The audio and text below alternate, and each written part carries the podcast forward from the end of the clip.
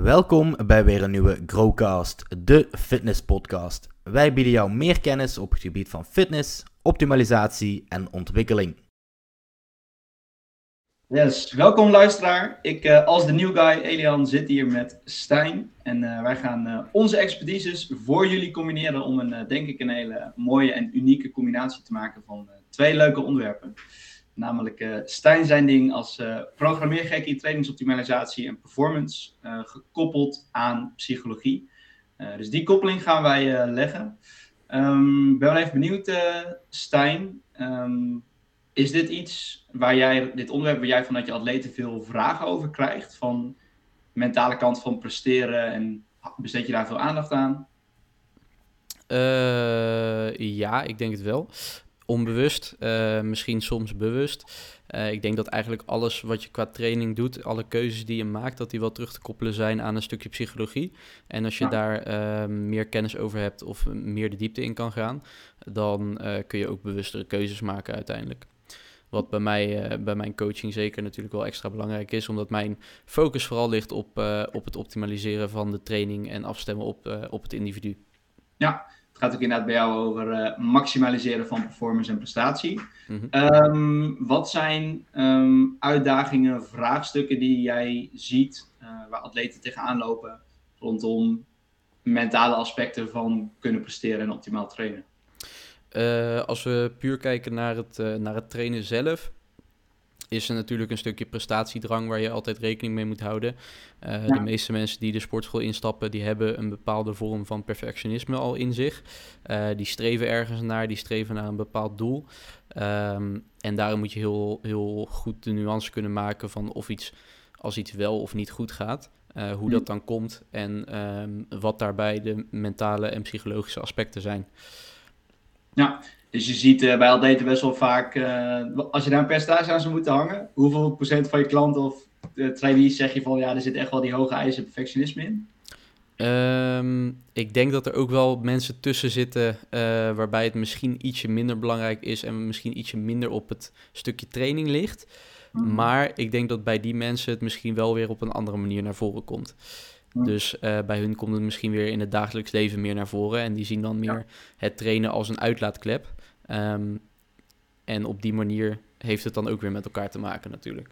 Ja, dus je ziet het bijna bij alle atleten dan wel, uh, wel terugkomen. Ja. Um, wel benieuwd, hoe ga jij daar dan, uh, dan mee om als je kijkt naar perfectionisme, hoge eisen, het zij in trainingsgebied of daaromheen, wat je bij klanten ziet? Mm -hmm. um, richting uh, het perfectionisme als mensen richting echt een heel perfectionistische mindset zitten, zeg maar, um, dan moet je daar altijd uh, op de een of andere manier een nuance in kunnen brengen. Uh, kritisch kunnen kijken, oké, okay, waarom denkt diegene zo?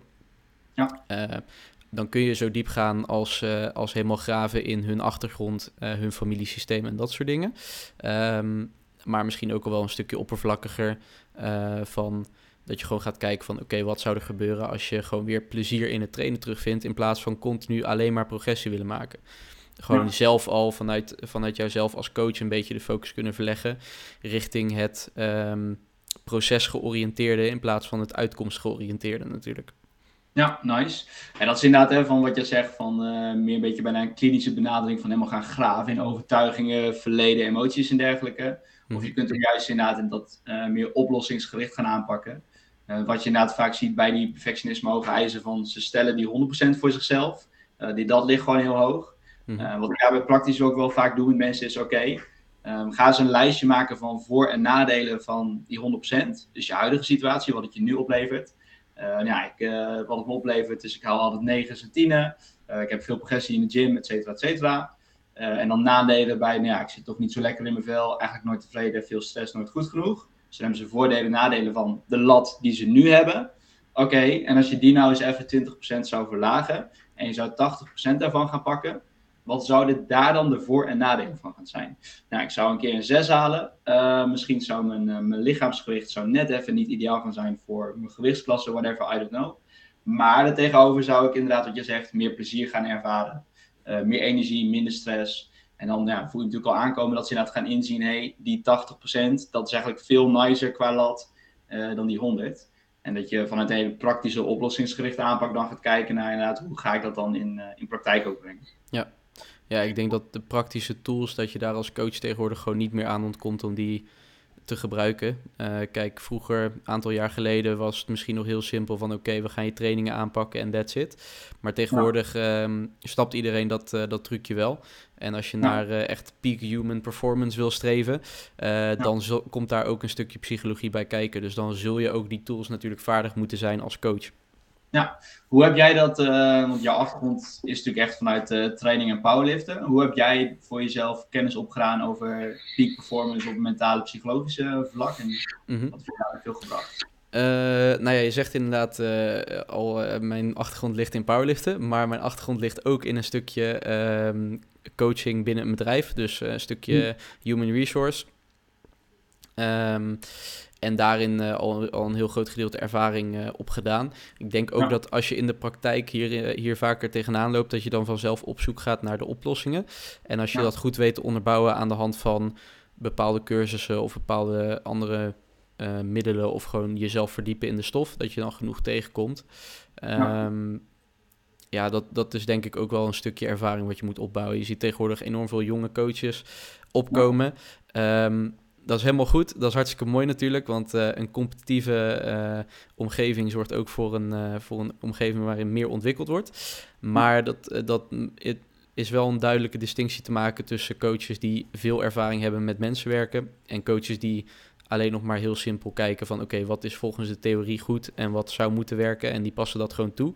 Ja. Um, versus een hele geïndividualiseerde aanpak natuurlijk. Ja, ja 100% man. Dat, uh, ik geef dan ook inderdaad opleidingen aan coaches en trainers. En dat is altijd inderdaad van in een opleiding uh, kun je een basis meegeven aan theoretisch fundament met wat handvatten en tools voor de praktijk. Maar uiteindelijk moet je inderdaad ook gewoon fucking meters gaan maken en gaan toepassen en oefenen op real-life situaties.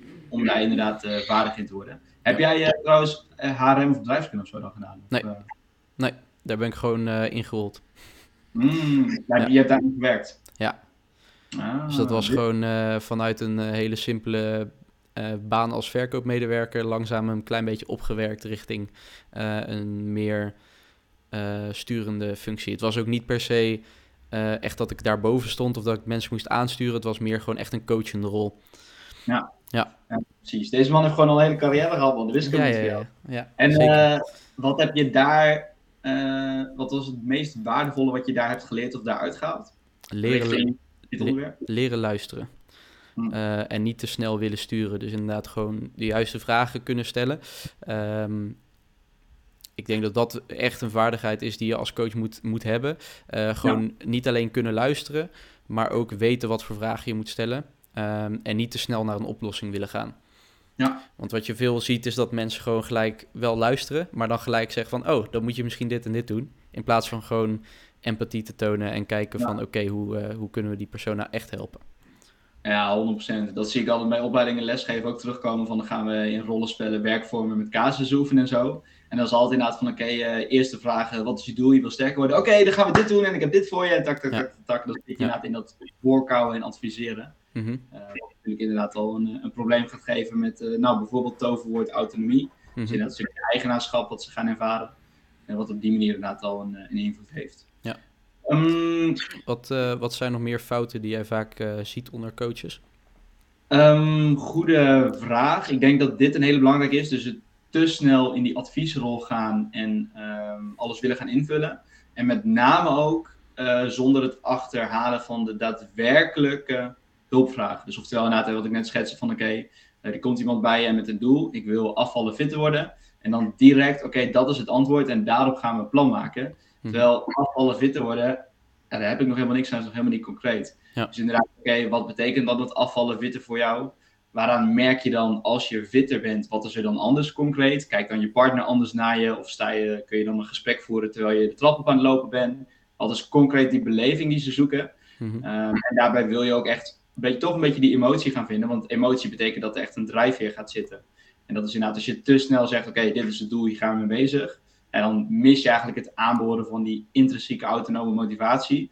En dan gaat het uh, misschien een paar weken goed, maar dan ga je gewoon tegen de lamp aanlopen. Gaat het niet duurzaam zijn en kom je later tegen uh, problemen aan. Dus ik denk dat wel een uh, eentje is die ik wel vaak zie voorkomen. Ja. Ik denk sowieso dat dat wel onderschat wordt. Als je als eerst, voor het eerst met iemand samen gaat werken. Uh, en dan vraag je inderdaad, hè, wat is je doel? Dat soort dingen. Uh, om niet door te vragen van, oké, okay, waarom is dat dan je doel? Dan laat je gewoon echt wel kansen missen. Ja. Sowieso al een stukje, stukje vertrouwen wat je misschien bij iemand opbouwt. Maar ook um, dieper graven van wat is dan, je, wat is dan echt een goede aanpak. Uh, in plaats van gelijk te denken van oké, fitter worden. Wat betekent dat, dat voor jou? Misschien is voor de ene persoon fitter worden is misschien wel sterker worden. Voor de andere persoon is fitter worden misschien wel sneller worden of hoger kunnen springen. Ja, ja. ja 100%. Dat is net als met dat woord van conditie. Als je even heel letterlijk, ben ik even gemeen, maar heel letterlijk is conditie de staat waarin je verkeert. Dus ja. ik wil me, de staat waarin ik verkeer wil ik verbeteren. Oké, ja, dan kun je mhm. echt alles onder gaan hangen. Ja. Ja. Dus dat soort zaken inderdaad. En misschien is het ook wel een beetje dat mensen uh, ja, zijn gewoon, ze denken gewoon van, oh, maar ik kan iemand daarmee helpen, dus dan willen ze gaan. Um, en ook wel een beetje, misschien voelen ze wat weerstand tegen dat ze denken, oké, maar doorvragen voelt soms een beetje afgezaagd.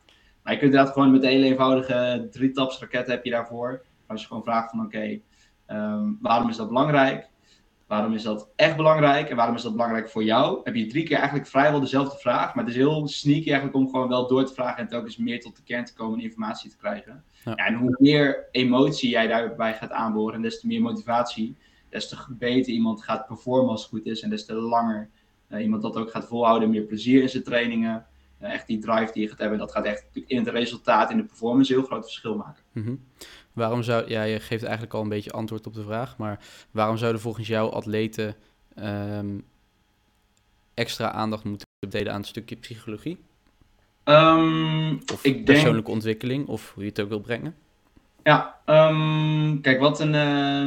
Uh, ik denk dat voor veel atleten zit natuurlijk ook de uitdaging in dat je best wel, die zijn vaak al competitief ingesteld, hebben al hoge eisen. Um, dus je zit al met een andere motivatie, zit je al ergens dan als je zegt van oké, ik wil gewoon wat fitter gaan worden. Dus je lat ligt eigenlijk sowieso al hoger. Um, en helemaal als jij een wedstrijdatleet bent, dan ontkom je bijna niet aan vergelijken met anderen. Want die, diegene die ligt dat, ik moet dat halen om beter te zijn dan diegene. Dus ik denk dat zeker waar we al een beetje mee begonnen, hè, van um, ondanks dat je in een competitieve wereld zit en dat je dus vergelijkt met anderen en met gewichtsklasses en eigenlijk maximale performance, dat je daar nog steeds leert om uh, tevreden te gaan zijn en dat goed genoeg gaan zijn als je je fucking best hebt gedaan. Want inderdaad, dat is een beetje van cliché, over de uitkomst heb je geen controle. Als er uh, allemaal fucking beesten op die wedstrijd staan met sikke genetics, ja, daar heb je geen controle over, word je geen eerste. Uh, maar dan kun je nog steeds wel binnen de zaken waar jij invloed op hebt, kun je gewoon zeggen, oké, okay, ik heb alles aan gedaan, ik heb mijn best gedaan. Ik heb binnen mijn capaciteit heb ik een goede wedstrijd gedraaid. En ik denk dat dat wel belangrijk is. Van, je zit in de wereld van maximale performance en dan schiet je al gauw in. Uh, de lat ligt fucking hoog, het is niet goed genoeg. Mm -hmm. uh, maar dan toch ook beseffen, oké, okay, ik heb misschien ben niet eerste geworden of dat niet gehaald. Maar ik heb wel naar mijn tevredenheid gepresteerd.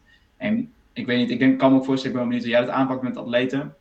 Als je ook naar een wedstrijd toewerkt, uh, formuleer jij dan concrete doelen op basis van plaatsing of loads? Of hoe ga jij ze daar naartoe uh, voorbereiden, zeg maar, van waar niet succesvol gaat zijn en wat een doel is voor hun wedstrijd? -hmm.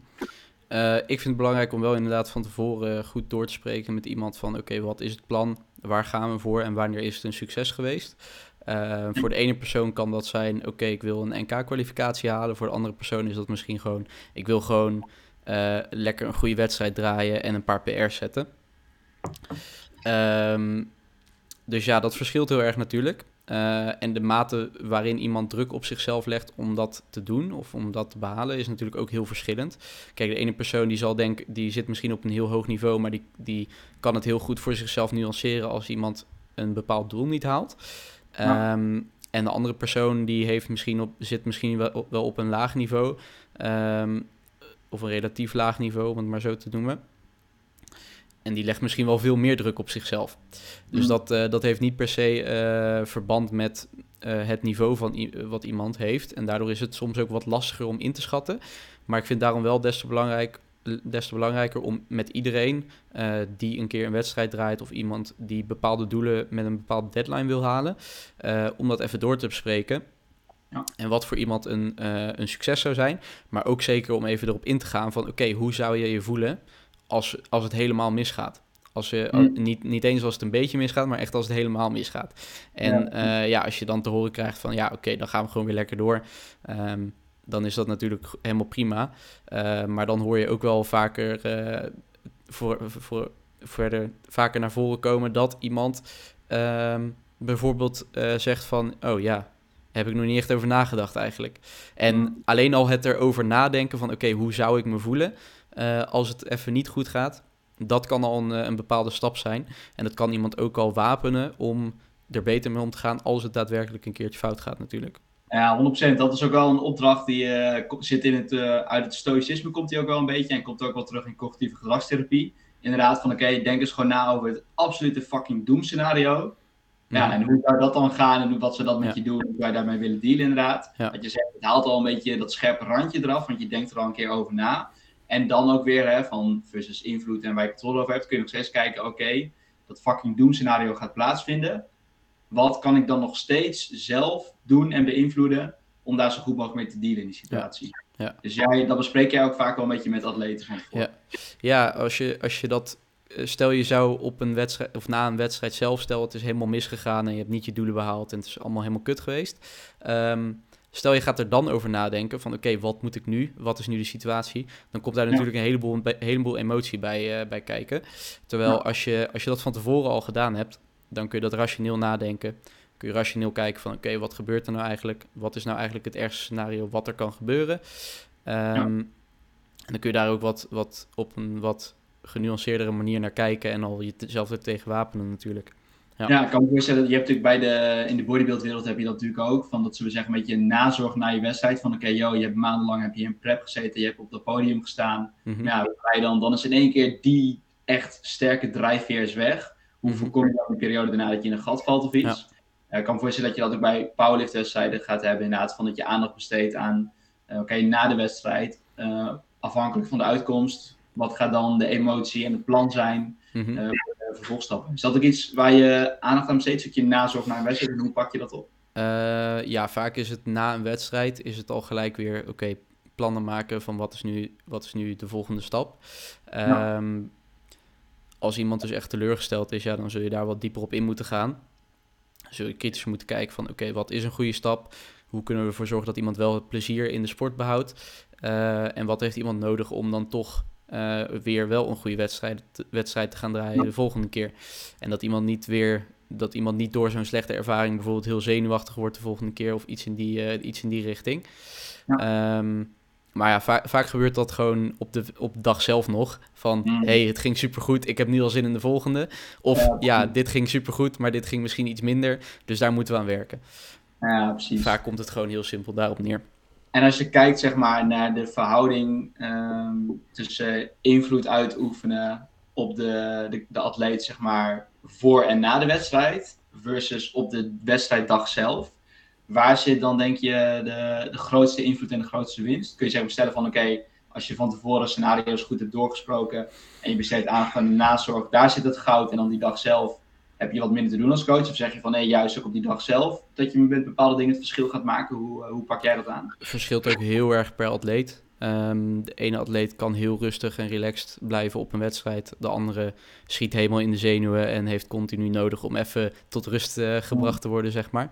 Maar ook dat, ik denk dat als je eh, goed een relatie opbouwt met een atleet en die atleet leert kennen, ehm, weet wat, wat zijn of haar zwaktes en sterktes zijn, dat je daar automatisch wel eh, mee te maken krijgt. Ehm, ja, en daarin komt communicatie gewoon, eh, gewoon sterk bij kijken. Ehm, wordt nu sowieso belangrijker. Ik denk dat steeds meer coaches dat wel heel goed oppakken. Het stukje echt goed communiceren, weten hoe iemand in elkaar steekt en daarop in kunnen spelen, ook op een wedstrijd. Kijk, de ene persoon wil zich gewoon lekker afzonderen eh, en de andere persoon die, die wil alleen maar een beetje met iedereen staan ouwe hoeren en dat soort dingen. Hm. Maar het kan ook bijvoorbeeld zijn, dat heb ik ook wel eens gezien, dat iemand eigenlijk heel erg eh, introvert is en eigenlijk zichzelf een beetje moet af, eh, afzonderen. Maar dan vervolgens wel door iedereen afgeleid wordt en allemaal aan het praten is. Ja, dan moet je zo iemand natuurlijk ook wel even terug kunnen roepen van... hey, zorg even dat je jezelf afsluit, zorg dat je je focus pakt. Ja. Anders is iemand helemaal overprikkeld voordat hij überhaupt het, eh, het plankier oploopt. Ja, ja, precies. Dus je kunt al, je zegt van in de aanpak van tevoren natuurlijk kun je scenario's door gaan spreken. En een stukje nazorg heb je, maar op die dag zelf is het ook wel echt individualiseren. Natuurlijk weer het toverwoord bij Ja. coaching. Ja. Ehm, heb jij, als je dus inderdaad voor het individualiseren moet je inderdaad een beetje zicht hebben op persoonlijkheid en behoeftes natuurlijk van je atleet op zo'n dag. Mhm. Ehm, is dat iets waar je door de coaching voordat je een wedstrijd hebt al wel redelijk een beeld vaak bij hebt? Of let je ook op bepaalde signalen van atleten tijdens zo'n dag om op het mentale aspect van die wedstrijddag bij hem of haar in te spelen? Hoe bedoel je? Sorry. Nou, je hebt dus bijvoorbeeld, ehm, je, hebt, zeg maar, je, je moet iets weten over wat deze persoon prettig op, eh, op wedstrijddag. Van Mhm. moet ik hem inderdaad gewoon helemaal ophypen of Ja. inderdaad wat afschermen. Is dat iets zeg maar, wat je voor de wedstrijd eigenlijk al weet door eh, het samenwerkstraject wat eraan vooraf gaat? Of let jij tijdens de wedstrijddag op bepaalde signalen nog? Beide.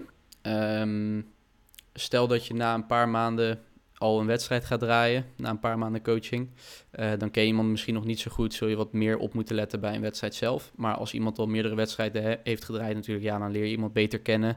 Eh, kun je daar ook beter, makkelijker al op inspelen en dan weet je al wat er, eh, wat er gaat gebeuren waarschijnlijk.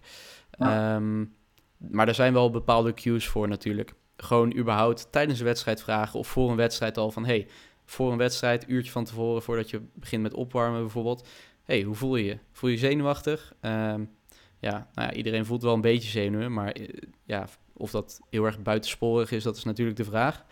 Ja. Ehm, ben je zenuwachtig? Hoe voel je je? Heb je er zin in? Dat soort vragen moet je natuurlijk gewoon stellen. Ja. En als iemand heel erg zenuwachtig is, dan kun je daar natuurlijk op inspelen door gewoon te kijken van oké, eh, wat kunnen we ervoor doen om het voor jou eh, zekerder te maken.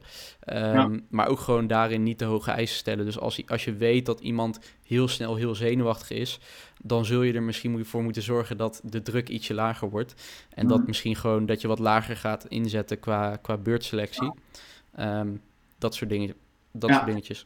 En dat is inderdaad wel interessant. Ja, ik eh, ben dan naast eh, een stukje coach inderdaad ook examinator bij eh, praktijkexamens van fitnessopleidingen. En dan heb ik inderdaad ook vaak, dan stel ik inderdaad ook de vraag van nou, ben je zenuwachtig? En inderdaad sommige mensen die echt vet zenuwachtig zijn, die, dan zeg je inderdaad van nou, doe gewoon je ding en lekker chill maken inderdaad op gemak stellen. Maar ik heb inderdaad ook wel eens een beetje gastjes van een beetje 18, 20. En dan vraag je dat ze zeggen, oh nee, helemaal niet en zo. En dan moet je juist van, ja oké, nou succes, eh, denken we dan, het is wel je examen. Eh, die zitten dan even eh, met een blikje energy van tevoren een beetje te kloten met het petje op dat, zeg maar. Mhm. Dus, eh, inderdaad, zeker afhankelijk daarvan ga je afstemmen op de arousal. Hm. Ja, dat past inderdaad wel bij waar wij het laatst ook over hadden, hè, van Jerks Dodson. Van inderdaad, er gaat een bepaalde optimale mate van arousal zijn. Mhm. Waarbij je inderdaad gewoon een stukje opwinding, zenuwen, stress gewoon bij gaat dragen aan de prestatie. Eh, en dan gaat inderdaad natuurlijk een heel duidelijk punt komen waarop dat te veel gaat zijn. Ja. En die performance gaat dalen. En Ja. ik kan me voorstellen dat het best wel een uitdaging is voor jou als coach om op zo'n dag eh, samen met de atleet dat optimale punt van arousal Mhm. eh, op gaan zoeken. En daarbij kan ik me direct ook bedenken dat het juist ook iets is wat je van tevoren inderdaad al wel wil bespreken en helder hebben. Ja. Van oké, wat gaat voor die atleet eh, optimale punt van mentale, fysieke arousal zijn op de wedstrijddag. Ja. Hoe pak jij het vinden van dat optimale arousal punt van voldoende opwinding en stress voor prestatie en een beetje zenuwen, maar niet too much? Hoe pak jij dat aan? Ehm, ik ben wel fan van gewoon laag inzetten. Eh, ik denk sowieso qua druk laag inzetten. Ehm, zodat iemand daardoor al minder zenuwachtig wordt. Maar ook qua hype en dat soort dingen ook gewoon eh, wat lager inzetten. Ehm, want als je te hoog zit, dan is het heel lastig om iemand terug te krijgen. Terwijl als je al laag zit, dan is het makkelijker om iemand verder omhoog te krijgen. Ja. Nou ja, bij powerliften heb je voor iedere lift heb je drie beurten. Dan kun je er bijvoorbeeld voor kiezen om de eerste gewoon lekker rustig aan te doen. Hè? Dat is een, een gewicht wat je waarschijnlijk al veel vaker hebt getild. Dus gewoon lekker rustig aan, gewoon lekker je ding doen en lekker tillen. Terwijl op een derde beurt, hè, dan wordt het wat spannender. Kun je ervoor voor kiezen om gewoon even flinke YOLO, eh, YOLO-beurt er doorheen te knallen. En juist wat meer Ja. eh, hype en, eh, en arousal te creëren. Ja. Ehm, maar sowieso, je ziet heel vaak de fouten met name ontstaan bij als mensen een eerste wedstrijd draaien. Als mensen een eerste wedstrijd draaien, allemaal nieuwe omgeving, nieuwe dingen, allemaal dat soort dingen. Ehm, Ja. En dan, ja, dan is het gewoon niet handig als iemand al heel erg veel prikkels krijgt, om dan Ja. ook nog eens een hoge arousal op te gaan zoeken. Want dan weet je Ja. helemaal niet meer wat je aan het doen bent natuurlijk. Nee, sowieso, dat zie je ook wel van ehm, met inderdaad die mate van arousal waar het optimale punt ligt. Ja, dat is zeker ook afhankelijk van eh, ervaring. Ik had inderdaad gewoon zelf toen ik eh, bijvoorbeeld begon met lesgeven en presenteren op events. Ja, Mhm. dan is die arousal al fucking hoog. Dus Ja. dan, inderdaad, dan wil je alleen maar kalmeren. Ja. En juist nu als ik ga lesgeven of naar een event ga vertellen. Ja, dan Mhm. is een nieuwe situatie is wat minder spannend en als het Ja. onverwacht wordt, prima. Ja. Want het optimale punt inderdaad ligt wat hoger door die ervaring. Ja. dus dat is denk ik inderdaad wel een, uh, wel terecht. Ik ben wel even benieuwd, vanuit persoonlijk vlak. jij doet natuurlijk zelf ook wedstrijden, je hebt zelf ook een coach. Mhm. Um, wat, wat vind jij fijn op wedstrijddag? Qua ben je echt van oké, ik moet opgehyped worden of ik wil gewoon juist lekker mijn koptelefoon op en mijn dingetje doen? hoe ben jij zelf op zo'n dag? Ik, ehm, ik ben zelf heel relaxed over het algemeen. Ik doe gewoon lekker mijn koptelefoon op. Ik ga ook niet, ja, misschien voor een derde beurt dat ik mezelf even wat extra, extra boos maak, maar over het algemeen sta ik gewoon heel relaxed. Uh, een beetje op mijn muziek uh, te doen. Uh, ik hoef ook niet te schreeuwen. Je, je ziet wel eens gasten ammoniak snuiven en zo en dat soort dingen. Uh, dat doe ik allemaal niet. Ik knal gewoon een flinke cafeïnepil naar binnen. En dan is het gewoon lekker relaxed, lekker doen wat ik in de sportschool ook doe. Ik zie het ook echt gewoon als, als een, weer een training, zeg maar. Ja, dat, uh, ik had niet anders verwacht bij jou met jouw uh, neuroticism 0. Mm En ik kan me ook juist inderdaad wel voorstellen, als je het hebt over het stukje hoge eisen stellen en prestatie, procesfocus en zo ja, als je het inderdaad kan zien van uh, just another uh, trainingsday, een beetje zo. Dat het juist ook echt wel een voordeel kan zijn. Inderdaad, dat je jezelf gewoon niet gek laat maken. Mhm. En ja, valt de performance tegen, valt hij tegen. Ja. Um, is hij nice, dan is hij nice. Omdat je daar wel met een glas half vol visie sowieso gaat uitkomen uit die mhm. wedstrijd. Ja. ja, en ook een, een belangrijke daarin is vooral niet bezig zijn met je competitie. Dus stel dat je wel flink uh, competitief wil, wil zijn in je sport.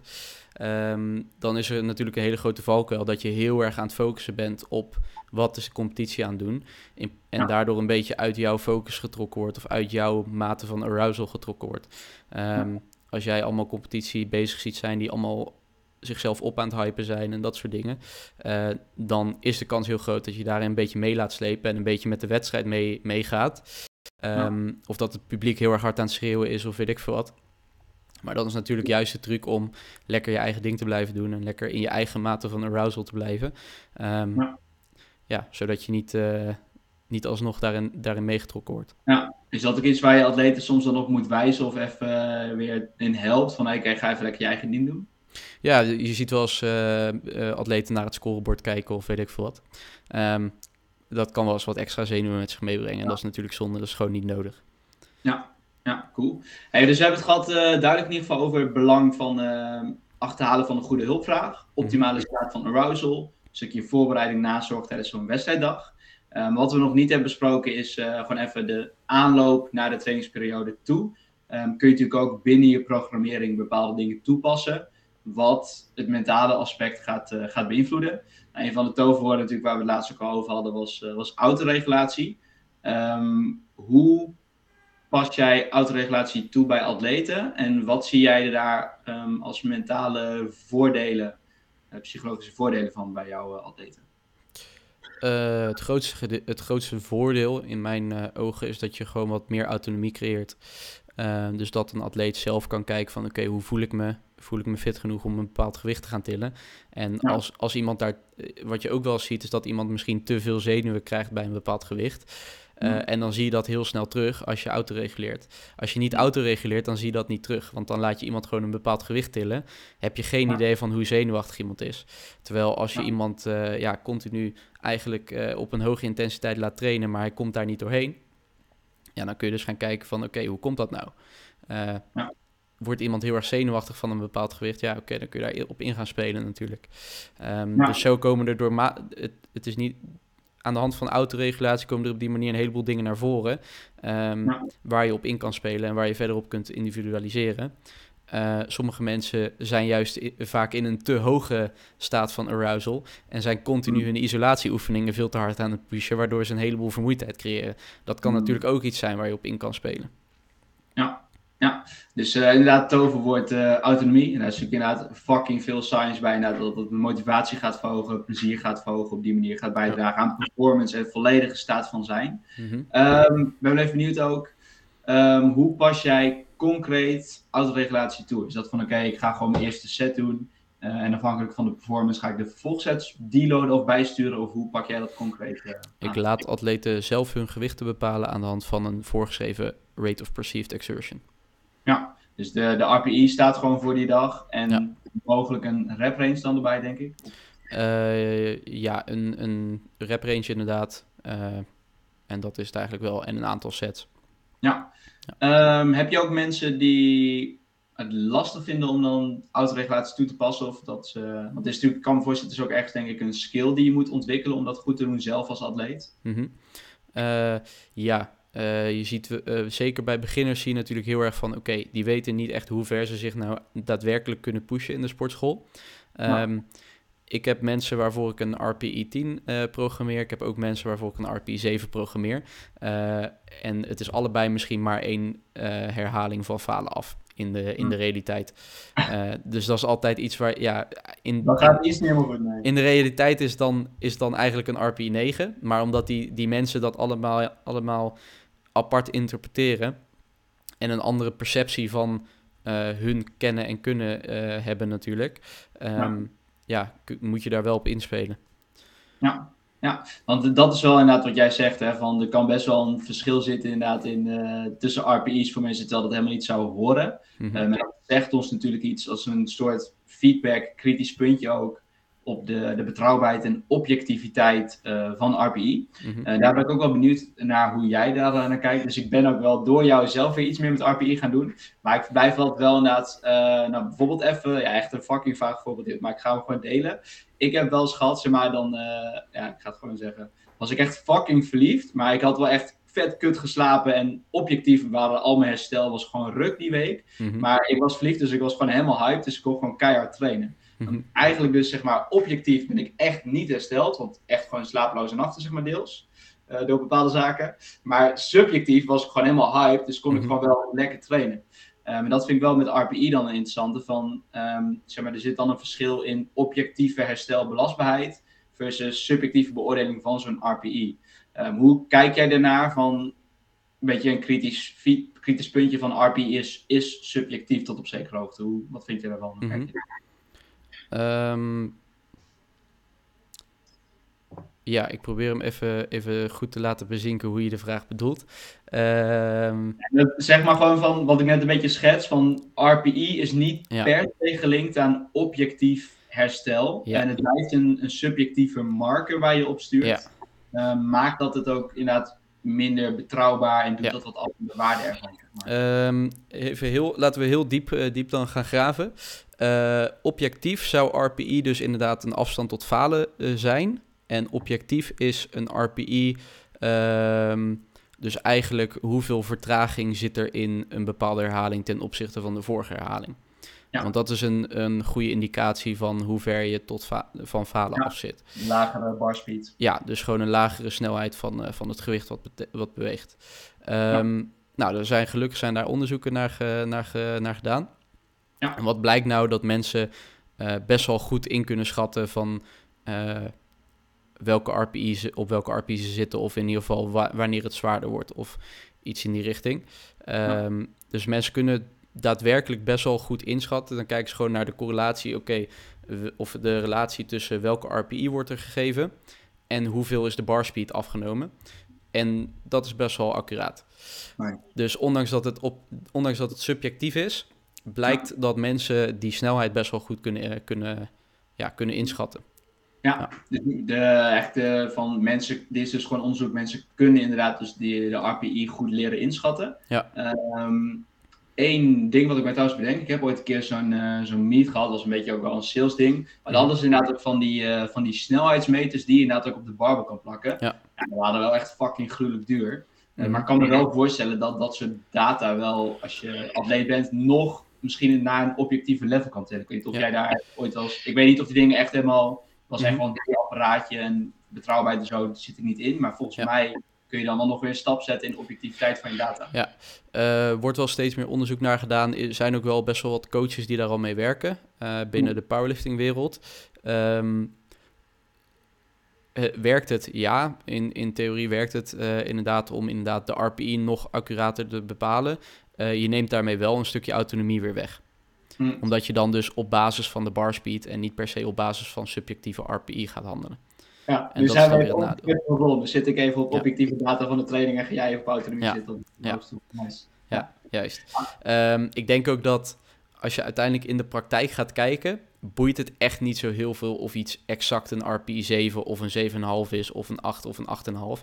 Kijk, die RPI is ook maar een hele arbitraire, arbitraire schaal. Um, als je inderdaad op velocity gaat zitten, dus snelheid van de stang, Ja. dan kun je het inderdaad op, op duizendsten kun je het meten. Ja, Ja. wat is dan nog een effectieve stimulus? Is dat, eh, is dat een bepaalde range waarin je moet zitten om een effectieve stimulus moet hebben? Of is dat een, een, een duizendste van een, eh, van een snelheidsmeting? Dus dat, dat, dat is nog maar net de vraag van, oké, hoe diep wil je gaan en hoe diep geloof je dat eh, een effectieve trainingsstimulus is? Ja, en ik denk dat dat ook wel een beetje te maken heeft met inderdaad een, eh, een kosten-baten ding, zeg maar. Net als dat jij bij bodybuilding kun je gaan zeggen van, yo, eh, we doen visuele foto's en we doen een goedkope caliper en lichaamsgewicht. Ja. Eh, wat geen rol kost en praktisch is. Of we gaan inderdaad eh DEXA-scans en onderwater eh, shit doen wat een paar honderd euro kost, wat misschien Mhm. net even wat betrouwbaarder gaat zijn. Ja. Dus ik ben hetzelfde van die apparaatjes. En voor mij zeg, heb je het over 1000 euro of zo om zo'n ding op je bar te klippen Mhm. ja, ga je voor 1000 euro zo'n apparaatje aanschaffen voor dat kleine beetje mogelijke winst in objectiviteit? Mhm. Of ga je gewoon lekker praktisch met die RPI's werken? Dat is een beetje dezelfde vraag. Je kunt dezelfde vraag ook stellen. Ehm, he- maakt het heel veel verschil of jij 100 kilo of 100,001 kilo aan de stang hangt? Heeft je, merk je lichaam daar veel verschil van? Nee, Ja. eigenlijk niet. Jouw lichaam merkt er, niet eens, merkt er eigenlijk niet eens iets van als je, of je nou een stang van 100 kilo pakt of een, weet ik veel, een steen van 100 kilo pakt, zeg Ja. maar. Ja, precies. Ja. Zo zijn twee vragen ook nog. Ehm, vanuit hè, wat je zegt van RPI gaat over hoe ver tot falen trainen. Mhm. Ehm, ja, ik- dat is wel ook dat ik weet nog vanuit bepaalde opleidingen in de fitnesshoek die dat wel, die ik ook heb gevolgd, die dat ook wel heel geroepen. Van eh, juist omdat RPI zit nog een beetje een subjectieve component in. En feitelijk gaat het over die, eh, nou inderdaad, reps en reserve, de herhalingen tot falen. Mhm. Eh, waarom zou je dan niet kiezen voor RER versus RPI? Eh, maar ik denk dat dat natuurlijk een redelijk een semantische discussie meer is. Ik weet niet hoe jij daarnaar kijkt. Ik had het hier toevallig gisteren met iemand over nog. Ja. Ehm, heel erg filosofisch gezien, als je heel erg gaat filosoferen over krachttraining, dan zou je kunnen zeggen van oké, reps in reserve is echt dus herhalingen, hoeveel, hoeveel je herhalingen je nog in de tank hebt zitten. Ja. Ehm, en is rate of perceived exertion is dus echt een, een beetje een gevoel wat je erbij hebt. Ehm, Dat zie je ook binnen het powerliften wat meer dan in het bodybuilden, omdat het bij bodybuilden gewoon letterlijk gaat over hoeveel herhalingen hou je nog over in de tank. En bij ehm, ja, bij, bij powerlift gaat het misschien als je een single of een dubbel of een triple draait op een squat, dan gaat het wat meer om een bepaald gevoel wat daarbij komt kijken. Ja. Dus daarin, daarin dat kun je ook Hmm. individueel afstemmen. Ehm, als je het heel praktisch gaat bekijken, maakt het eigenlijk helemaal niks uit en is het gewoon exact Nee. hetzelfde. Alleen dan Nee. omgekeerd. Ja, Ja. dat is inderdaad, eh, terwijl wat je zegt, filosofisch theoretisch wel interessant inderdaad. Dus van bij een atleet en powerlifter gaat het inderdaad ook meer van hoe voelde die? Ja. Inderdaad van eh, dikke vette grinder en hoe ging die technisch en dergelijke. En inderdaad, de bodybuilder wil gewoon misschien meer objectief. Ik wil gewoon twee reps overhouden in de tank en that's it. Ja, ja precies. Als je, ehm, eh, en ook als je het individueel gaat afstemmen, kijk, eh, RIR is gewoon reps in reserve, oké, zoveel kun je er nog. Dat is ook uiteindelijk subjectief. Eh, Ja. Dus in dat opzicht verschilt het eigenlijk helemaal niks van elkaar. Nee. Ehm, en eh, daarin kun je het ook weer wel op het individu afstemmen van ja, oké, heeft iemand daadwerkelijk wel zoveel reps nog in de tank? Eh, of Ja. moet iemand maar een keer gewoon een RPI-10 geprogrammeerd krijgen, zodat hij toch wel net dat Ja. extra stapje doet om daar doorheen te breken? Ja, 100%. Maar dat is dus een beetje mijn vervolgvraag. Dus een, eh, ik denk dat het fucking waardevol is dat we deze shit bespreken en deze kant ook op gaan. Maar want wat jij net schetste, hè, van sommige mensen die hebben gewoon geen idee van een RPI 10 en dan is een 7 en een 10 bij hen hetzelfde. Mhm. Ehm, jij zegt in onderzoek eh, zien we dat ehm, mensen het redelijk kunnen inschatten. Dus dat hun RPI redelijk overeen gaat komen met objectieve data. Ehm, ben ik wel even benieuwd van oké, geldt dat ook voor beginners versus halfgevorderden? En dan de praktijkvraag daaruit die daaruit vloeit. Mhm. Hoe leer jij mensen om RPI betrouwbaar, zo betrouwbaar mogelijk te gaan leren inschatten? Ehm, het is wel relatief gezien. Dus wat iemand de, e- als ze kijken naar, oké, wat is de snelheid van, van de bar ehm, op de ene dag en wat is de snelheid van de, van de bar op de andere dag, dan zal iemand dat de ene dag dus dezelfde RPI-rating geven als de andere dag. En Ja. dat is vooral het stukje accuraatheid van de data. Want die, die bar speed wat je meeneemt, dat is ook relatief gezien. Dus wat iemand een RPI 10 geeft, die bar speed kijk je naar. Als die Ja. bar speed omlaag gaat, dan wordt de rate of perceived, perceived exertion dus eigenlijk lager. Ehm, Ja. Of dat daadwerkelijk een RPI 10 of een 9 of een 8 is, dat kun je nog steeds niet zeggen.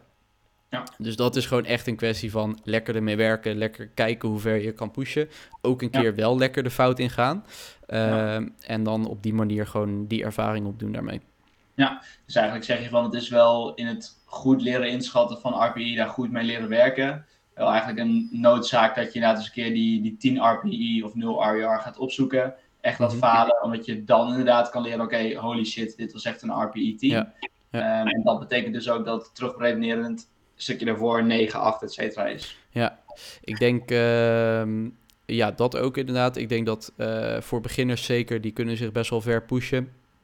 Eh. Ook in de zin van dat ze nog weinig volume hebben nodig, eh, nodig hebben om progressie te maken. Dus die kunnen Ja. zich over het algemeen wat meer, eh, wat meer pushen en daarmee wegkomen. Ja. Ehm, Maar inderdaad, soms gewoon dat gaatje opzoeken. Ik ben heel erg fan van oplopende sets. Hm. Waarbij je dus een eerste set pakt die nog wat verder van falen is, misschien. En dan pak je de volgende sets, ga je net een beetje verder en dichter tot falen. Dus dan pak je Ja. bijvoorbeeld een set op RP 8, 9 en dan een laatste ga je gewoon maximaal. Met die Ja. laatste set eh, ben je dan wel maximaal gegaan. Ja. Dus dan weet je zeker of het echt daadwerkelijk zo was natuurlijk. Ehm, een beetje eh, vermoeidheid ingecalculeerd daarbij natuurlijk. Maar ehm, en wat, eh, wat heel veel coaches nu aanraden is gewoon om altijd maximaal te gaan. Wat ik Mhm. jammer vind, want dan heb je ook een heleboel volume wat eigenlijk een beetje te veel vermoeidheid opwekt vaak. Ja, En Ja, op die manier kun je toch iedere keer weer testen.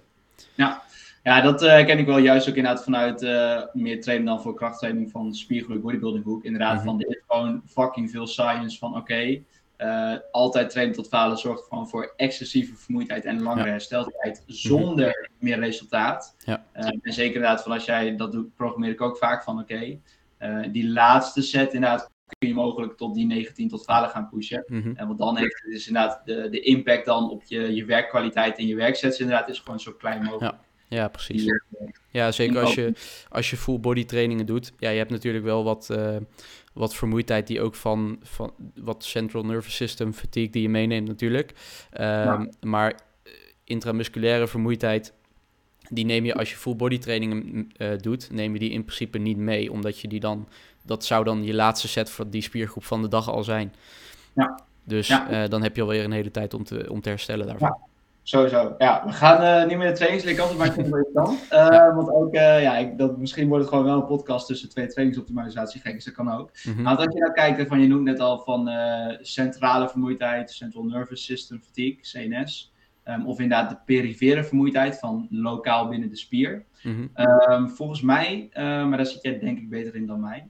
Ehm, volgens mij zijn er best wel wat misvattingen over in welke mate echt eh, dat centrale vermoeidheid nou echt een ding is. En dat Mhm. voor, voor zover ik dat weet, ehm, dat wel echt ehm, hetgeen vaak tot problemen leidt in herstel of pijntjes. Waar mensen tegenaan lopen dat het hem eigenlijk vrijwel altijd zit in perifere, dus lokale vermoeidheid in de spier. En dat het stukje centrale vermoeidheid van CNS, dat dat nog weinig onderzocht is of dat wel echt een ding is en bestaat. En dat de impact ervan ook niet heel relevant is. Maar daar weet je denk ik meer over. Ehm, ik denk dat als je gewoon een beetje normaal traint en niet al te veel sets doet, dat je dan weinig te maken gaat hebben met, eh, met CNS inderdaad. Ja. Met CNS-fatigue. Ja. Terwijl inderdaad die perifere eh, vermoeidheid, ja, die is, die is wat meer merkbaar tijdens een training. En Ja. die, die CNS-fatigue, die gaat wat meer na een training zijn vaak. Ehm, Ja. Ligt ook aan hoe lang je training is dan bijvoorbeeld. Als jij een uurtje hebt getraind, dan zul je daar minder vermoeidheid van ervaren dan als je twee, drie uur hebt getraind. Ehm, dus in die zin kun je daar ook rekening mee houden. Ja. Maar als je inderdaad effectief traint, dan is de kans dat je daar echt heel veel vermoeidheid van gaat krijgen, is wat lager. Terwijl bij powerlifters, ehm, ja, die zijn soms wel twee uur bezig in de sportschool. Dan Ja. ben je continu eigenlijk wel vermoeidheid aan het opbouwen. Ja, ja. ja wat ik meen, eh, ik kan sowieso niet uit mijn hoofd citeren, maar ik meen inderdaad wel van dat er inderdaad studies zijn die juist ook laten zien van eh, dat zeg maar, het idee dat per se zware compounds in verhouding veel meer CNS, veel meer centrale vermoeidheid opwekken, ja, dat het juist een mythe is. Eh, en dat ook juist CNS ook best wel snel kan herstellen. En niet Mhm. zes van, ik heb zware compounds gedaan, nu Ja. heb ik vet hoge CNS, moet ik vet lang daarvan herstellen. Ja. Nee, Dat valt, valt inderdaad eigenlijk wel mee.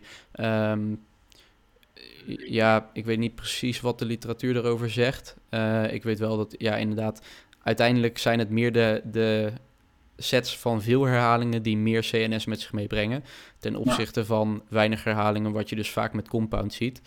Ja. Ehm, ja, dus... Ja, en ik denk ook inderdaad van, het gaat ook natuurlijk over herstelcapaciteit en van hè, belasting, belastbaarheid. En die belastbaarheid is uh, laag en de belasting is wat te hoog als het te veel vermoeidheid is. En volgens mij, praktisch gezien, gaan mensen dan eerder inderdaad aanlopen tegen het perifere stuk. Van gewoon niet spier of pezen of gewicht of pijntjes. Dan dat ze inderdaad zeggen van, oh, ik ben over mijn full body vermoeid en dat... Uh... Ja, ja, precies. Als je, als je rekening houdt met... Uh, de meeste mensen komen daar niet snel zeg maar. Nee. Inderdaad. De meeste mensen gaan niet van één training of van een trainingsweek zo vermoeid zijn dat ze de week daarna minder goed kunnen presteren. Uh, het zal eerder inderdaad zijn van oké, je bent uh, je, je zal wat pijntjes of, uh, of weet ik wat ontwikkelen in pezen ja. of spieren in die richting. Ja. ja, en dat is natuurlijk inderdaad ook een beetje het verschil tussen van overreachen en overtrainen. Dat ze inderdaad zeggen van overreachen, dat het ook wordt gedefinieerd als een tijdelijke prestatieafname, vaak lokaal. Mm. En overtrainen inderdaad vaak een systemische afname in maximale prestatiecapaciteit over langere tijd. En dat inderdaad overreachen zie je realistisch, kun je vrij gauw zien optreden. Mm -hmm. uh, maar inderdaad echt overtreden, wat, overtrainen wat pas volgt op lange tijd overreachen. Ja, dat dat echt heel zeldzaam is. En dan zijn er studies inderdaad van dat mensen echt fucking bizarre protocollen van uh, twee uur maximaal gas geven op de mm -hmm. bike. Uh, drie uur in de gym staan, interval, et cetera. En dat er dan pas een klein beetje over lange tijd ontstaat. Ja. Dus ik denk ook wel, als je kijkt naar de praktijk, dat um, stukje overreachen en die lokale perifere belastbaarheid managen, dat dat voor coaches, trainers altijd een aandachtspunt gaat zijn. Check. Um, cool. Dan uh, is hij wat meer uh, de trainingskant opgegaan, maar ik denk wel heel, uh, ja, juist wel vind ik heel interessant en waardevol. Dus ook inderdaad toen ik binnenkwam bij Grow direct met jou een gesprek gehad ook over training waar ik ook helemaal van aanga. Mm -hmm. En dat hebben we nu een beetje een vervolg gegeven. Ja. Um, zijn er nog dingen waarvan je zegt van dat is nog belangrijk wat je atleten zou willen meegeven rondom deze onderwerpen van maximale prestatie en performance eigenlijk bij training en daar een stukje arousal, prestatie, mentaal aspect bij meeneemt? Um, ik denk dat uh, plezier een hele, hele onderschatte factor is uh, daarin. Um, ik denk dat als je met een coach werkt, dat dat dan ook als het goed is wel naar voren zou moeten komen. Ja. De ene persoon, maar wat, wat je vaak ziet natuurlijk, mensen zijn heel erg bezig met wat is optimaal qua training en niet wat is optimaal qua mijn humeur en mijn plezier in de sport. Um, ja.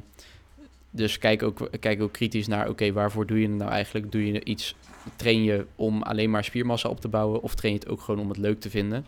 Uh, ja. En op die manier kun je natuurlijk ook kijken van, oké, okay, wat, uh, wat ga je extra doen? Of wat ga je minder doen misschien zelfs? Ja, ja zeker. Dat is en vanuit psychologisch oogpunt van inderdaad hè, van autonomie en motivatie. En ook zeker vanuit wetenschap zie je dat ook. Van als je bijvoorbeeld uh, zelf je oefeningen mag selecteren, oefeningen die je leuk vindt. En ja. dat je daar inderdaad ook gewoon beter op gaat presteren, gaat performen. En dus inderdaad meer resultaat gaat boeken. Ja. En je gaat het gewoon langer volhouden. Ja. Dus als je het over en duurzaamheid maximaal presteren. En dan denk ik zeker dat dat stuk uh, plezier en ook daarbij een procesfocus inderdaad in plaats van die uitkomstfocus. Uh, dat inderdaad wel mooi is om ook uh, ja. mee te geven. Ja, precies. Gewoon leren om, om van het proces te gaan houden inderdaad. Ja, ja dat, uh, echt wel een beetje cliché van geniet van de reis in plaats van het einddoel. Maar dat is zeker denk ik wel een cliché wat, wat het is niet voor niks een cliché, het is een cliché met de reden. Omdat het ja. gewoon fucking waar is. Ja. Dus cool, nice. Dan uh, denk ik dat wij uh, flink wat waardevolle info uh, zo hebben besproken, waar de luisteraar zeker wat aan gaat hebben. Um, rondom maximaal kunnen presteren en ook meer de, de programmering en de mentale aspecten erbij. Um, als jij zegt van we zijn niks vergeten, dan zou ik zeggen, luisteraar, thanks voor het luisteren. Hopelijk was het waardevol. Laat het ons vooral weten. mochten er nog vragen zijn, dan stuur Stijn of mij even een berichtje. En anders tot de volgende keer.